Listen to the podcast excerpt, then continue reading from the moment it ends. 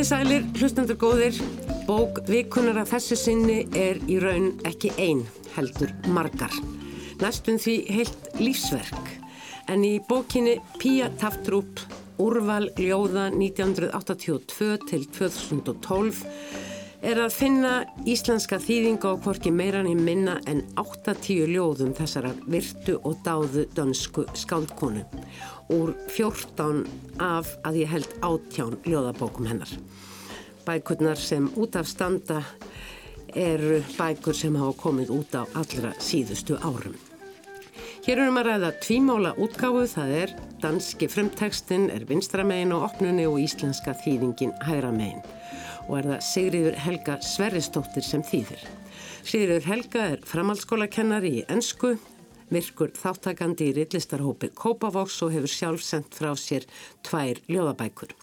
Hún er áhuga manneskja um norranna ljóðlist engum danska en kynntist ljóðum Píu Taftrúp fyrir tilvíljun og engum í gegnum sapn ljóða eftir skálkonuna og úr því sapni valdi hún síðan 80 ljóð til þýðingar í góðu samræmi við Píu Taftrúp sjálfa.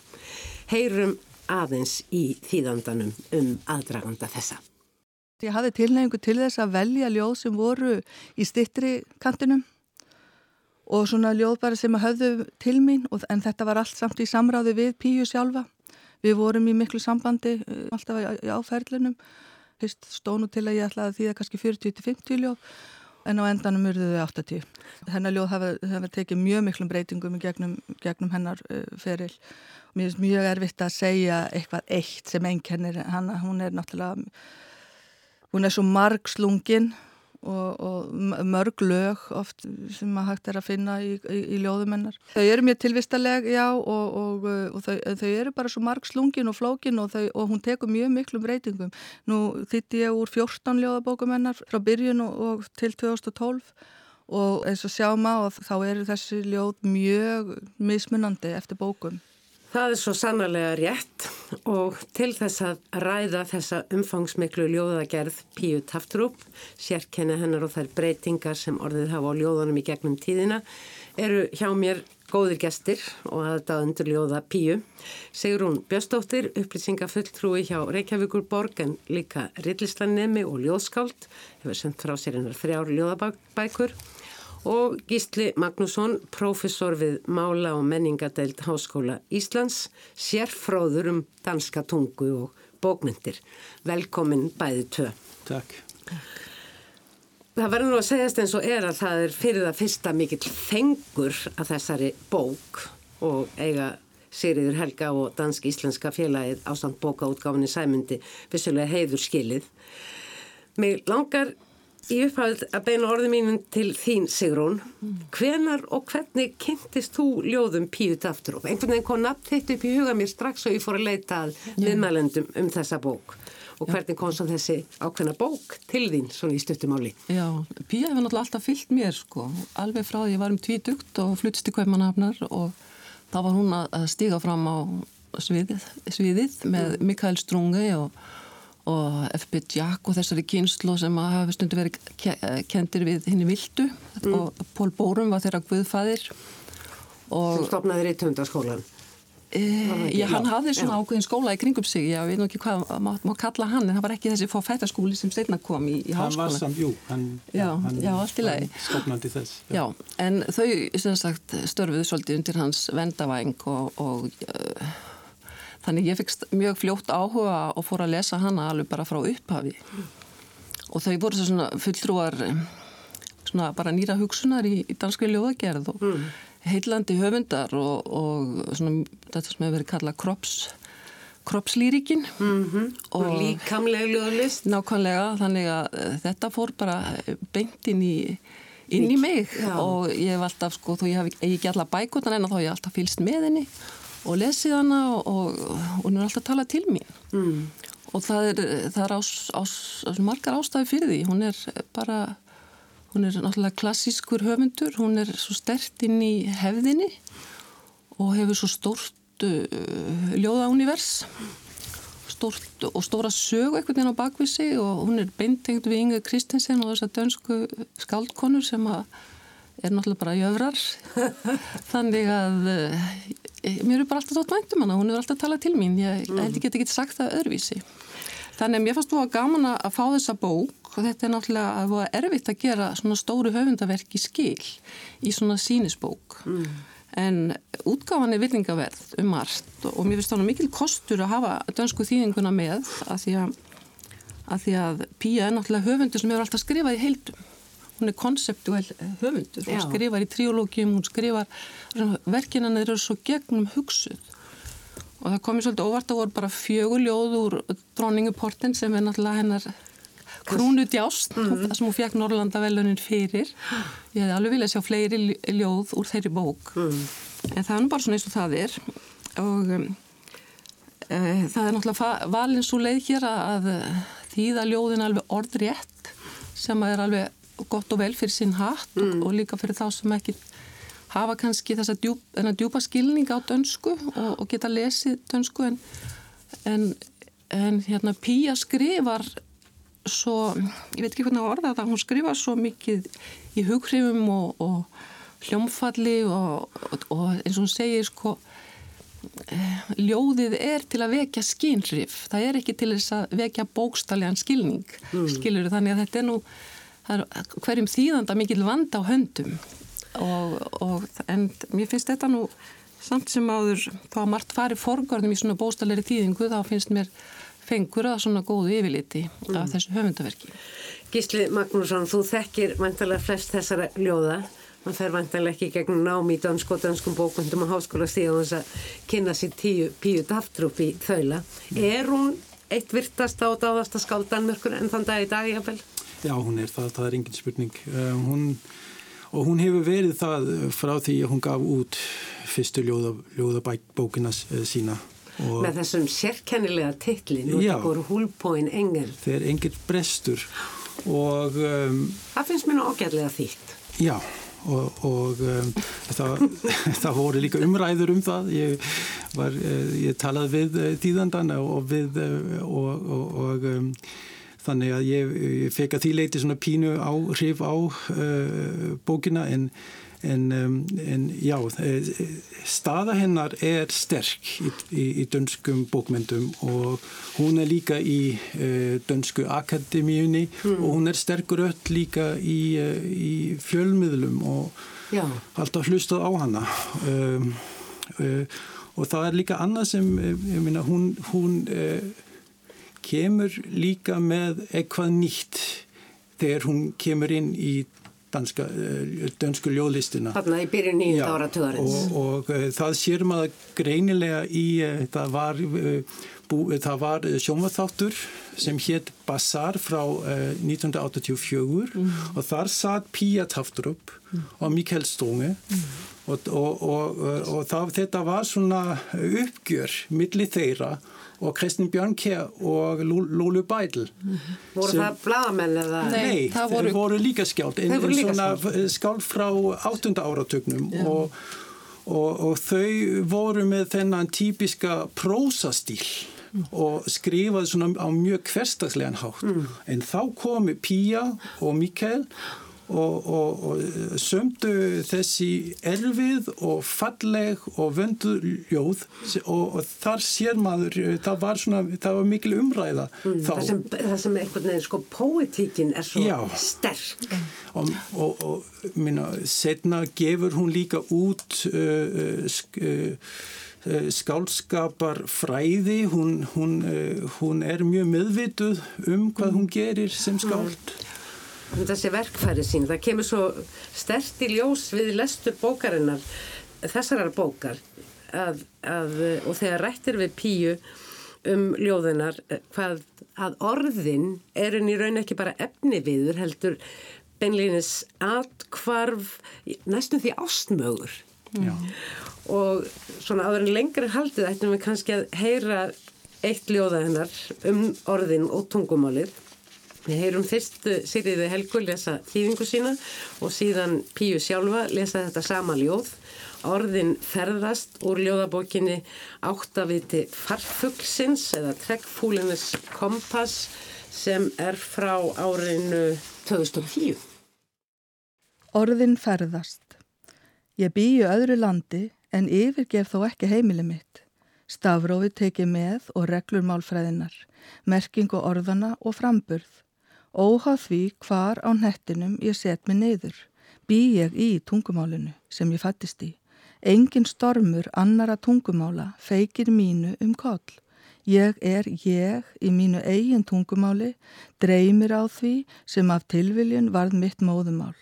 Ég skrifa heima, skrifa úti og hvarvetna það sama. Orðin hafa farfuglahjörtu, sínir krupningin.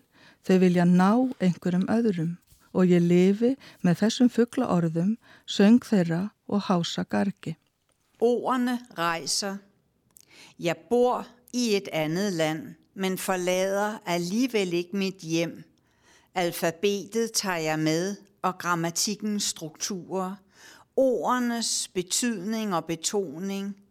Uanset hvor på kloden jeg slår mig ned, bor jeg i sproget, jeg er født ind i.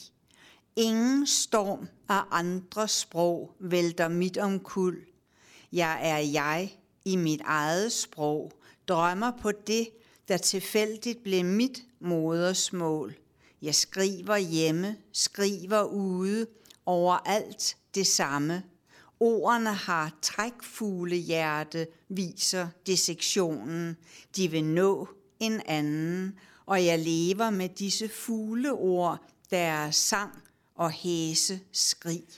Það er næstum því eins og hún segir þarna í þessu ljóði að eh, orðin, tungumálið, geti ferðast í rauninni út um allt yfir líka allar tungumálarlegar uh, uh, hérna, öll tungumálarleg landamæri. Það er að segja þegar það er komið í ljóð og það er svo sannlega hérna, staðrönd í, í, í sambandi við, við hennar ljóð því að þau tala svo beint til manns og uh, hún sagði og hefur uh, sagt það oft hvað henni er líka mikil sverði að þetta er ekki einhverf ljóð, þetta eru ljóð sem að vilja uh, tala til annara, Já. ekki satt. En, en þú heyrir þegar hún les, hvernig hún kveður að, hvernig samhljóðarnir syngja með í, Já. í, í ljóðinu.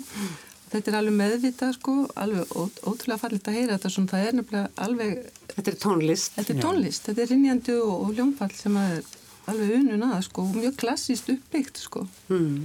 Og En ég finnst þetta ljóð vera einslega sko, einhvers konar bara manifest og hún hefur náttúrulega oft skrifað um orðin og það sem er á milli orðana og, og, og það að búa í orðum og þetta og orðin fylgjani og þetta er hennar mál og, og, og sem sagt ég finnst, já, þetta er ótrúlega fallit ljóð sko. og í rauninni líka þráður tilbaka til uh, ljóðasapsin sem heitir á dönsku Induðfang sem hér er þýtt í ekkert tak.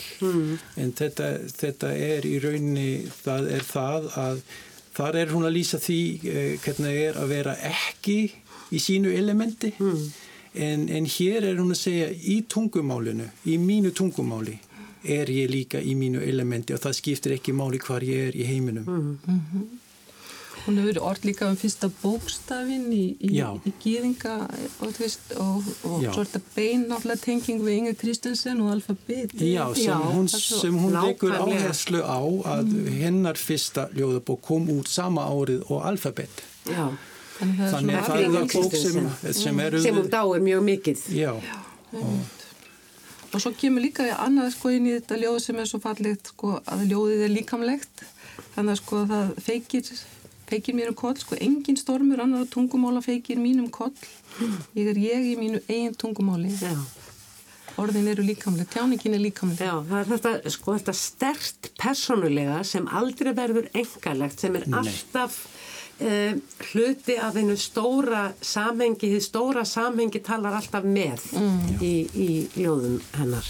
Svo önnur svo skemmtileg vísun í þessu sko þegar hann tala um farfugla hjörtun og þessa krupningu, það hefur verið fleiri, hún hefur áður talað um það bæði í, í prósateksta og í ljóðum þessa, þetta málverk Rembrandt sem heitir heldur bara krupningin og hérna er verið að krifja farfuglana og hjörtu farfuglana og hvað er þarna undir þessu öllu saman, það hvað leynist inn í líkamannum okkar? Hvern, hvernig er tjáningin, getur við séð hana? Hvernig eru orðin, hvernig verða þau til? Hver er skinnjunin er allt, hún er alltaf að spyrja þessari spurninga og alltaf að beina aðtiklokkar að því sem að er kannski ekki hand, í hendi sko. en, og við vitum til dæmis ekki á hverju farfuglarnir fara þessa, það, það er enda manninum mysterjum á, á hverju farfuglarnir fara sína rútur. Já. Og heimsálvan á milli og pólan á milli. Já. Og og að því leiti eh, kannski eh, er, eru farfuglarnir tákn fyrir hvernig maður getur verið í samræmi við heiminn. Mm. og, og, og uh, ég held að, að þetta með áttavitan sé líka tákn, þetta með að reyna að finna eigin áttavita, tilvistalega áttavita mm -hmm. og, og hún uh, gerir það held ég með, með ljóðlistinni. Mm. Það sem er náttúrulega líka að sínuleiti æðislegt við svona bók þegar það eru svona margar bækur í einni að maður fær ákveðna yfir sín auðvitað ekki fullkomna því það, hér er valið úr bókonum og þótt að hún sé uh, þessi svona hugmynda uh, ljóðskáld að bækurnar eru svona tematískar að sínuleiti mjög oft og tengjast sumar hverjir eins og þú nefndir Sigrún að þá uh, fær maður svona ákveðin boga og hér fær maður í rauninni sko einhvern veginn heilt líf mm -hmm. þarna í fyrstu bókinni uh, Nordigur Húlpóin Engel, Engil Brestur mm -hmm. að þau ljóð það er, benskan það er stúlkan litla og uh, síðan í, í næstu bók sem er þegar hérna Intet Fang Emmitt sem þú nefndir að þar er, þar er komin sko ung kona, þar er komin einhver sem er að lifa sjálfstæðu lífi í heiminum mm -hmm. og ekki bara einn, heldur líka með einhverjum öðrum, það er mikið samtal uh, sem að þar með hefst yeah. um uh, lífið. Og þannig hel, er þetta næstu í, í, í næstu bókum. Uh, hún er svo hún er, hún er stödd svo í í heiminum, maður getur ekki bara sögu hennar, heldur líka einhvern veginn hvað, uh, hvað var að gerast í heiminum. Já, og, og líka meira til að sína hvað það er útpælt hjá Píu, þá þetta er líka samhengi milli fyrstu þryggja uh, ljóðasafna uh, og það, það heldur að einhverju leiti áfram þetta með að hugsa það sem, sem meira en bara eitt stakt mm. ljóðasafna og hún gerir það auðvitað með síðustu ljóðasöfnin líka mm. en, það, en það byrjar eins og þú segir uh, og það í Norraka Holbóin engil þegar engil brestur það, það er uh, sagleisismisserinn mm. Uh, hún og, og, og þetta með að bresta það er líka þetta fjalla líka um skálskap mm. þannig að hún missir kannski sagleisi sitt hún fer úr belsku sinni og upplifa hvernig hversu grimmur heimurinn getur verið. Mm. en á sama tíma er Eh, þar byrjar líka skálskapurinn Já Þessi englalíking. Já, þeir, það er engla sko, kom oft fyrir. Já, þetta, þetta kom svolítið með einmitt þessari kynslu sem vorum að tala um Mikael Strungi, hann, mm. það er líka englar í ljóðunum hans, hann segir eitthvað í ljóði sko, við við erum forkomni englbörn við erum öll aðfram, aðframkomin englabörn og, og þetta er svona líkingamál. Þetta er líka svolítið það að taka engilin sem helgimynd sem taka hana niður mm. og, og gera hana táknut fyrir eitthvað allt annað og það er það sem er svo heillandi í, í, í ljóðunum og ég les, les engla, engl, engilin aldrei sem sem helgi mitt, ég sé að ekki til þess píu sko, Nei. þá sé ég eitthvað allt annað, ég sé eitthvað uppreysniði sko. Þetta er hvort tveggja finnst mér vegna þess að mm. þetta, þetta er líka, hún hefur líka samþygt það, þetta er líka tilvísum til Rilke, mm. til austuríska skálsins sem, sem orti svo fallega um engilinn eh, í dúin og trejaljóðunum, mm. hver ef ég æfti heyrði ópminn úr uh, rauðum engla mm. og, og um, uh, það er þetta er uh, tákn um hiðguðdómulega, einhverju leiti eitthvað sem er meira, ekki í hefböndnum skilningi mm. en, en á sama tíma eins og þú segir er það svona jarnest þetta, Já, það er einhver stærð í hverstagslífinu sem að tengir hið Þetta er lí- andlega og jarneska, hið líkamlega. Líka það að geta farið á milli heima, geta flóið, skilur mig, og, og geta lift sér upp yfir það jarmundna. Það, það er svolítið það. Fara á milli og það er náttúrulega skaldskapurinn og sköpunin sem hún er að vísa í. Þannig að þess, þetta tákn, þessi tákmynd engil sem hefur gengið eftir í gegnum hennar höfundaverk, það hefur alveg ótrúlega margar vísanir og aldrei í mínum huga þessi klassíska, ég sé aldrei fyrir mig hvítastýttu af engli eða, Nei, nei. eða, eða Aldrei. engil. Þannig er það nú. En svo eru þarna líka inn á milli mjög sterk ástarljóð Já. og erotísk ljóð Já. sem hún uh, fer alveg ótrúlega uh, fallega með. Já. En hún Ég tók- notar oft vatnið Já. sem element. Akkúrat. Þannig að það að vera í erótikinni, það er líka að synda og að uh, þetta er ferðalag, þannig að þetta er mm. rosafalleg hvernig hún lýsir því og, og, og uh, um, lýsir hrifningnum í, erotikinni sem, sem einhvers konar um, innmitt svona undir yfirborðinu. Mm. Þetta er eitthvað sem maður fer inn í líku við annan heim. Mér finnst, sko, Springflúð var fyrsta bóki sem ég kefti mér eftir Píu Tartrup. Ég var reynda bara að lesa hana á. Hún er náttúrulega alveg svellandi erotík, alveg frá upphafi til enda og, og kemur út þarna... Stórströms fljót frá árun 1985. Já, bara orðið springflúð og það er svona skemmtileg orðasmíði sko eins og orðið mörkuglans og svona, sko, situr saman orð og þannig að maður bara, eh, ljóðið er erotist í sjálfu sér og í orðunum bara á þess að, að maður lesi það alveg bókstallega og svona klifun, skemmtileg klifun í því hérna bara þetta títiljóð sem heitir springflúð sko.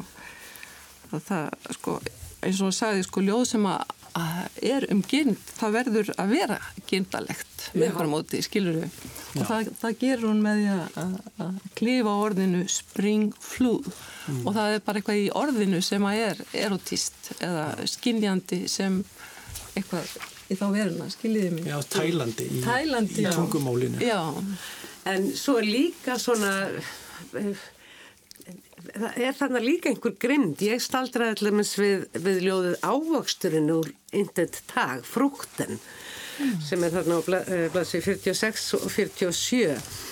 Og þar er, sem er mjög erotíst eh, ljóð, en fjallar í rauninni bara um, um, um ávöxtetur.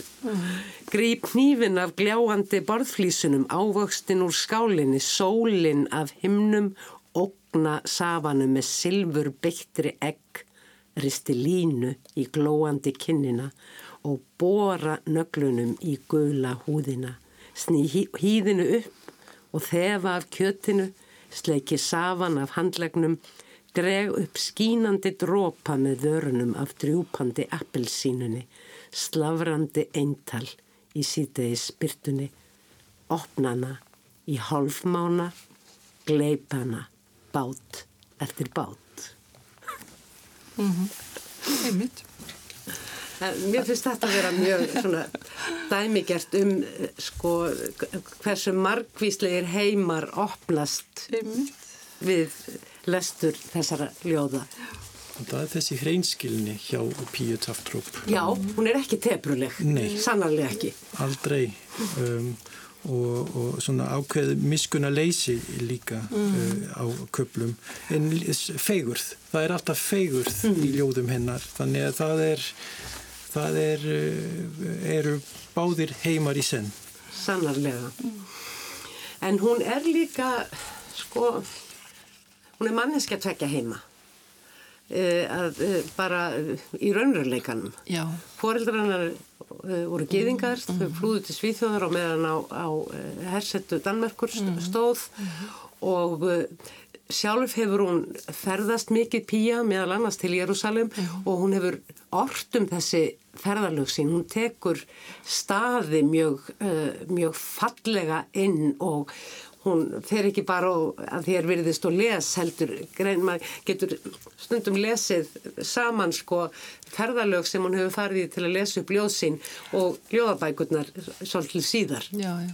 að þar hefur hún orðið fyrir ymblasti og... Já, hún hefur líka stóran tungumála heim, hún hefur þýskuna og hún er náttúrulega magister í bókmyndum og, og maður skinnjar það alveg, hún Mjög vel að sér. Já, mjög vel að sér. Það hefur með hefðina að gera líka. Hún er mm. ótrúlega vel að sér mm. í ljóðlistar eh, hefðinni og það á hún samanlega með heretika eh, ljóði, eh, ljóðaskáldin sem voru eftir stríð í danskum bókmyndum. Það var líka svona mm. eins og hún var kannski að upplifa sjálf, sjálfa sig og Mikael Stronge líka þetta að að nú, nú þyrti maður aftur að, að snúa sér að hefðinni og hún gerir, hún gerir eins og mm. þessi skáld og, og að einhverju leiti eru það skáldi eins og, og, og sömu skáldin eins og T.S. Eliot og, og Rainer Maria Rilke mm. og kannski setna líka Pál Celan sem, sem eru einhvers konar fyrirmyndir fyrir Píu Taftrup mm. þetta um vandaða og þessi fegurð í tungumálinu hvernig hún er að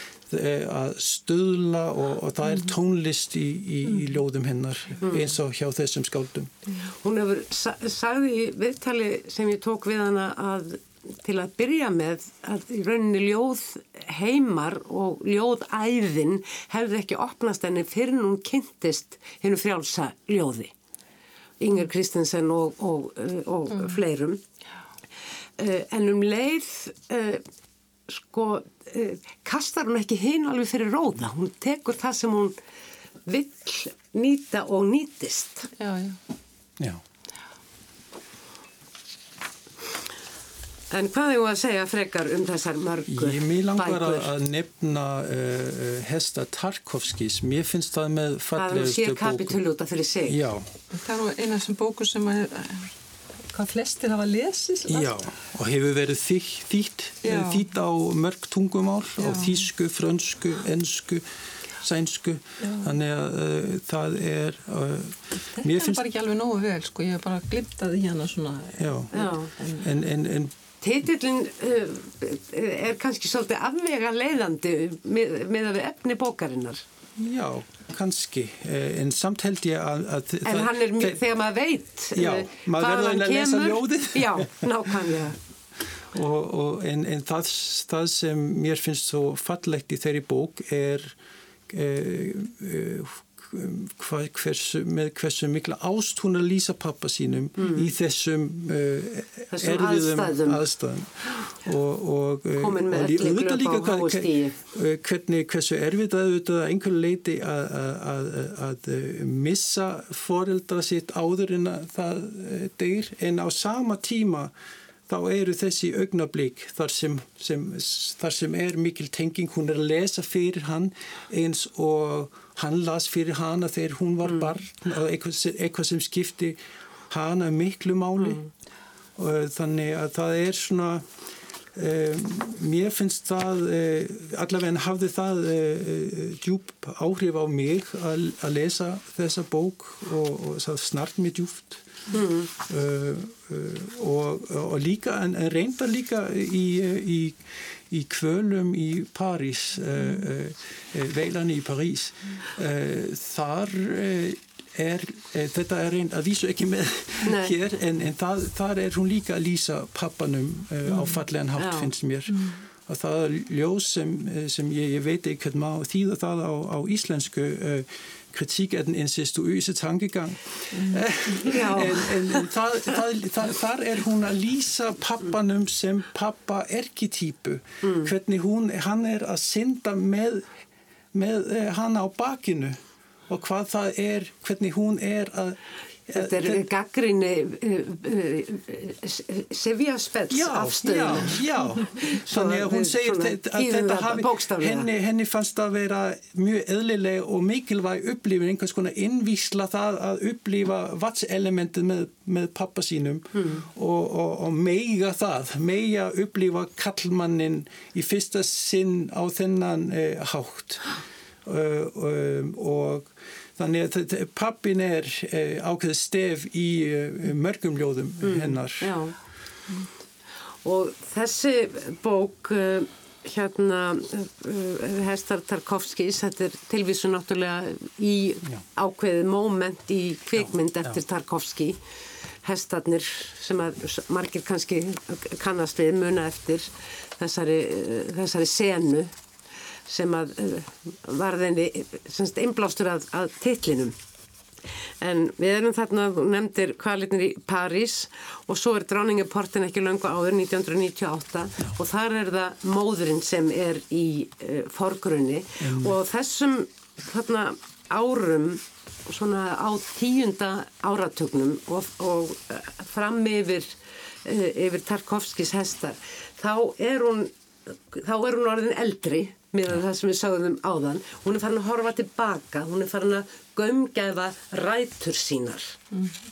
í öllu, öllu tilliti og þú talaður um að hún hefði lesið fyrir pappa sinn líkt og pappin hefði lesið fyrir hana það er náttúrulega þarna í í, í um, dróningiportinu þetta undurfallega ljóð uh, um móðurina uh, mín mós honn mhm. hönd móður minnar höndin sem að kendin að draga til stafs.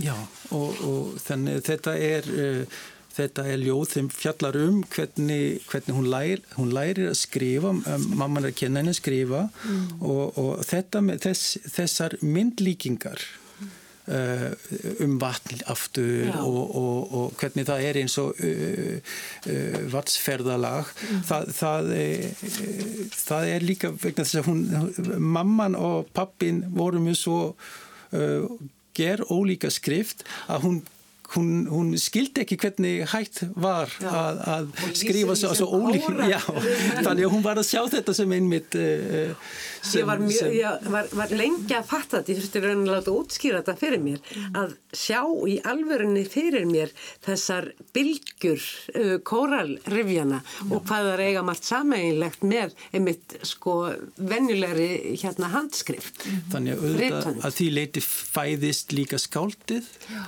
en, en, en uh, uh, á sama tíma er það lýsing á hvernig hún, hún þá verður sjálfstæð og, og, og uh, er þá að vaksa úr áhrifum mömmunar í, í lók ljóðsins. Já, já.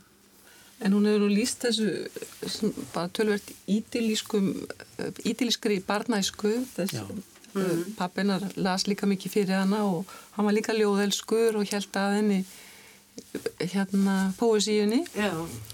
Þannig að þetta er svona greið ákveðna skuld og svo þegar hún er fyrir að skoða náttúrulega sína gíðinglegu rætur og svona að grúska í þessu og þessi áreinar í Jérúsalem að þetta er Þetta er stórt ferðalag og, og djúft ferðalag sem hún er Já. í og maður sér þess viða stað sko. Já og hún er einnig enn að þessu þegar hún er að skrifa þessar síðustu fjórar-fimm sansibæku sína, það er enda konar út fjórar að sko það er alltaf þessi skínveröld tilbaka líka. Alltaf þessar myndir úr, úr æskunni. Já, einmitt. Það er alltaf meina... tilbaka til þeirra þú veist, þegar hún var barn í gardinu hún var mikið einn og þannig að hún er mjög personuleg líka þó að þessi alltaf þessi tíma á þessi ljóðunum hennar sko frá núinu og í eiliðina Já þá er hún alltaf, sko maður fylgir henni alveg alltaf sem mannisku það, það er mjög gefandi að lesa það þannig. Þetta er ótrúlega farsæl vegferð á milli hins pólitíska, samfélagslega hins, uh, hins persónulega og pólitíska mm -hmm. sem að byrtist okkur í, í ljóðum Píu Taftrúp. Ja. og kannski þess vegna ekki síst sem að þau tala svona stert til manns mm -hmm. og alltaf ný og ný ljóð í hvert skipti. Ég var að mynda að segja við Gísla hérna áðan að þeir í las Dronningaporten fyrst mm sem að fjallar jú mikið um móðurina. Ég minnist þess ekki að mér hafi þótt að þau ljóð hefðu einhvern veginn komið til mín en, en það var ég þá mjög ung og móður mín var meira vinkona mín og, og börnur mín mjög ung en í dag þá, þá tala þau ljóð miklu sterkar til mín með aldraða móður og fullorðin börn komin í sveipað aðstöði í rauninni. Mm. Ég las nú dronningportina, dronningarlið mikið sem svona sköpunasögu og tók þetta bara sem heildir, þetta er sjöljóð, sínum nýju kablar sko og alltaf einhver vassform ægilega frá fæðingu yfir í regnbógan, það er frá drópanum og yfir í regnbógan og alls konar vassform, það er tjötnin og það er hafið og það er all, all, allir þessar djúpu líkingar, líkingamál og líkingaorð og líka heimur og þannig ég, jú, vissulega var mamman þarna en mér fannst það ekki vera aðalatriðið. Það var miklu meiri svona ferðalag, sköpunarferðalag og móðinn náttúrulega vissulega upphaf sköpunarinnar í þessar skilningi að hún bæðir hana og fylgir henni. Mm. Hvernig las þú bókinu, Gísli? Já, minna, ég, mér finnst uh, hvort að satt uh, að uh, þetta fjallar um, um, um mömuna en um margt annað líka og, og, og hún, þetta sýnir líka hvað hún, þetta sem hún hefur kannski lært af Inga Kristensen, mm. þetta með hvað hún, þetta er ótrúlega vel Um, uppbyggt. Mað, mað, eins og þú séu þetta, þetta er struktúr sem fer frá drópanum og, og þá er það fljótt og þá uh, á endunum er það þá regnbógi og þannig að þetta er, þetta er hún, hún, hún er ótrúlega meðvituð um hvað hún gerir. En á sama tíma uh, minna, það, stundum hefur hún verið gaggrinn fyrir að vera kannski of dögleg en, en, en ég, ég get eiginlega ekki tekið undir Nei. það. Ljóðin og fáið og, gegnum hugsuð já, en, ekki nógu spontant. Nei, mér finnst það ekki vegna þess að e, það var einhver sem sagði ein, einu sinni að, e, að hún væri ekki færum að skrifa lélega bók. Og, og ég, er, ég er sammála því, ég menna að þetta er allt á háa stíi það sem hún gerir og, og, og það, er, e, það er kannski þess vegna sem sumum finnst hún of uh, döguleg en, en, uh, en það er líka annað að, að minna, það er ákveðin uh, tilvistaleg alvara. Það er eitthvað í, í húfi í ljóðum hennar.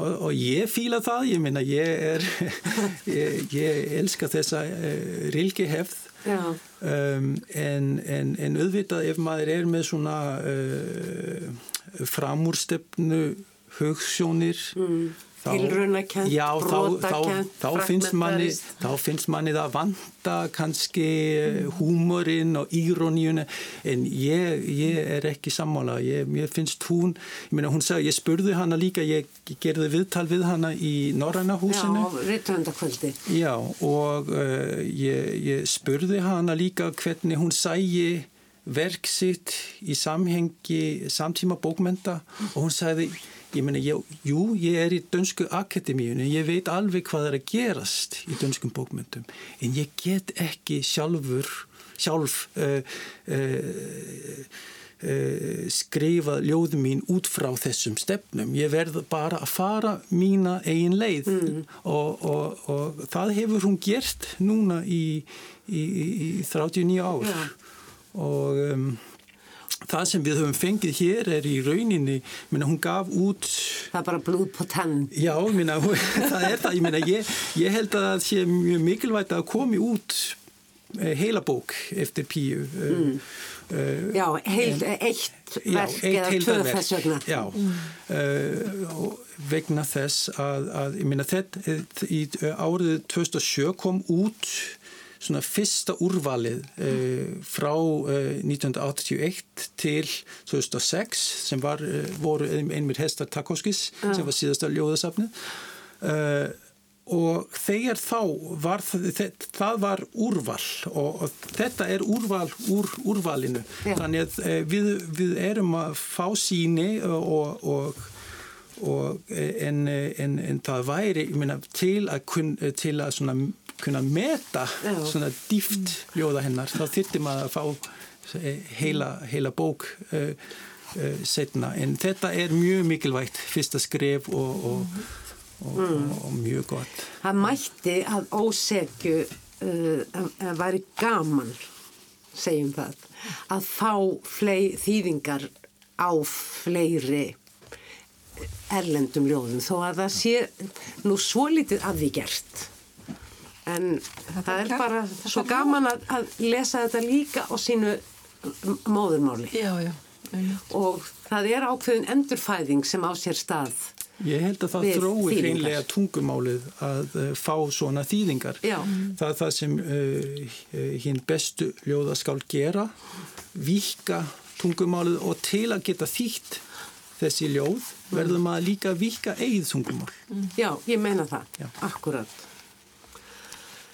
Það er svo sannarlega rétt. Við erum alveg að komast að lokum. Mm. Mér langar núna til þess að þakka ykkur báðum, Gísli Magnússon, profesor og Sigrun Björnsdóttir, fjölmjölega fræðingur og ljóðskáld fyrir þetta samtal og veit að við komum ekki helmingnum af sem við hefðum svo gætna vilja segja um ljóð Píu Taftrup. Um, Tæknumannum var ég líka að þakka Martini Martinsinni og ykkur hlustandum fyrir samveruna en mér langar að ljúka þessu á ljóði eftir Píu sjálfa. Það er reyndar síðasta ljóðið í þessu ljóðasafni og heitir Sjö kjólar fyrir sínileikan, ljóð orð í kjölfar óhæfuverkana í útei sem líka komu við Píu persónulega vegna þess að þennan dag beigð hún heima eftir því að fá að vita hvar sonur hennar væri sem var stattur í Oslo þennan dag. Og einhverju síðar skrifa hún þetta ljóð um kjóla sem allt klæðist, pornalömpin, hinn sprungnu hjörtu, blóðið og þessi kjótlir með þrömu svörtum breytingum á stundum og svo framvegis. En þessu ljóði líkur á eftirfærandi erindi Ég sauma kjól sem sá sem þekkir vonina má klæðast af öryggi. Ofinn inn er hlátur vina, þögul gleðitár, þráinn eftir að vakna upp, þrátt fyrir lífið sem hamfariðnar tóku. Han endur speklar geistla solarinnar. Jeg syr på kjolen, som kan bæres, trygt af den, der kender håbet. Vævet ind er venners latter, stille glædes tårer, lysten til at vågne op på trods af liv, som katastrofen tog. Den reflekterer solens stråler.